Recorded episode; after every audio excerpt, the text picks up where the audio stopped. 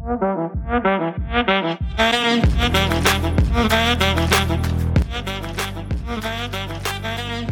ljudi, ja sam Leana i dobrodošli u 13. epizodu podcasta Nedozvoljena. Danas ćemo pričati o ranjivosti, o dozvolama koje dajemo sebi da budemo ranjivi i koliko mnogo lakše prihvatamo ranjivost drugih, a mnogo teže prihvatamo našu sobstvenu ranjivost i naše otvaranje prema ljudima oko nas. Dakle, kada pričamo o ranjivosti, ono što me u stvari podstaklo na, na celu ovu temu jesu dva događaja u poslednjih nekoliko dana. Prvi je bio to što sam bila bolesna i sad neka gripa i temperatura su me uhvatile i shvatila sam koliko mi je bilo teško da tražim pomoć i koliko mi je bilo teško da kažem da se loše osjećam i da mi treba da je neko tu i da mi treba podrška i pomoć u smislu donesi, prinesi i da se, nisam nikome obratila sa konkretnom idejom šta je ono što mi je potrebno. Drugi događaj se desio isto pre nekoliko dana. Imala sam jednu situaciju koja mi je onako bila poprilično preplavljujuća i tužna i u tom momentu sam imala na dolju potrebu da sednem i da dušu isplačem i samo da sednem i da se raspadnem.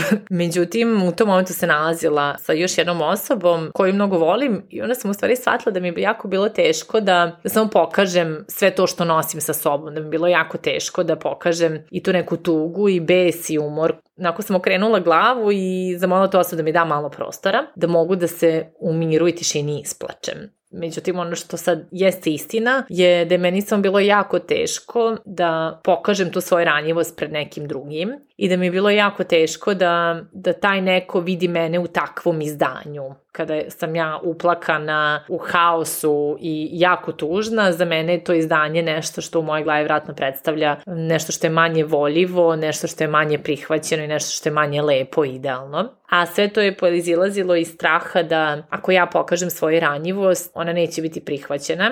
ta ranjivost može da bude i pokazivanje naših osjećanja prema drugim ljudima i traženje pomoći, u krajnjem slučaju reći izvini zajebala sam. Svi ti oblici ranjivosti jesu nešto što mislim da i mnogo nesvesno prihvatamo i donekle možda i očekujemo od ljudi oko nas, a da smo mi mnogo manje spremni na to isto damo. Jer ono što jeste istina je da mi tu ranjivost kod drugih mnogo volimo i nekako i tražimo je i želimo je da bi doživjeli neku dublju povezanost, da li sa partnerom, sa prijateljima, sa porodicom, ali da ne volimo da drugi vide tu ranjivost kod nas. Kao da mi posmatramo ranjivost e, kao hrabrost kod drugih ljudi, a ako smo mi ranjivi kao da je to neka vrsta neadekvatnosti. Šta će se desiti ako ja nekome pokažem koliko sam izgubljena, tužna, nesrećna i kao da mi smatramo da su ti delovi nas negde mnogo manje voljivi i da će biti mnogo teže prihvaćeni od strane ljudi oko nas nas. I baš sam neko razmišljala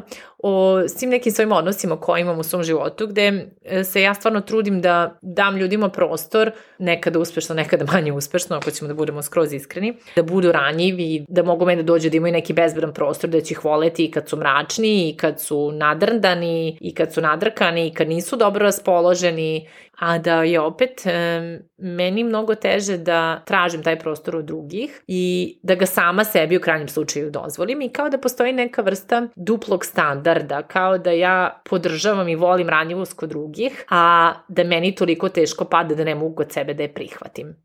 Koliko sam u stvari ja u obe situacije se mnogo više fokusirala na neku vrstu rizika. Ako ja pokažem sve to, kako će mene drugi doživljavati, da li će se ta neka slika o meni pogoršati, da li će biti manje lepa, manje nasmejana i manje sjajna uopšte nisam fokusirala da ako pokažem tu neku ranjivost i ko sam ja i šta se prolazim u tom trenutku, da ću stvari time biti neko bolje i više povezana sa ljudima oko mene. Kada sam se više fokusirala na to šta se mogu da izgubim, a ne šta se mogu da dobijem kroz tu vrstu ranjivosti. Mislim da često imamo to pitanje da ako smo ranjivi, da li će ljudi oko nas menjati tu neku sliku o nama, ali ono što jeste realno je da tu sliku mi projektujemo, mi crtamo, mi slikamo ono ko smo mi stvarno jeste i lepo i manje lepo i ružno i nadrndano i neraspoloženo i tužno i haotično i da nismo uvek tako sjajni i sunčani, nego da možemo da nosimo i neku mračnu stranu nas i da je okej okay da je pokažemo drugima, da ne moramo da očekujemo da uvek budemo idealni, jer prvo idealno ne postoji, a drugo, ako ne postoji ranjivost, ne postoji neka prava povezanost sa drugim ljudima. I mislim da često tog nekog straha da, da budemo ranjivi, um, smatram da ako pokažemo to nešto, da smo mi manje vredni ljubavi, a ono što jeste, jeste istina je da ako pokažemo to ranjivo s drugim ljudima, da mi samo dajemo priliku da taj nas neko voli više, bolje i jače,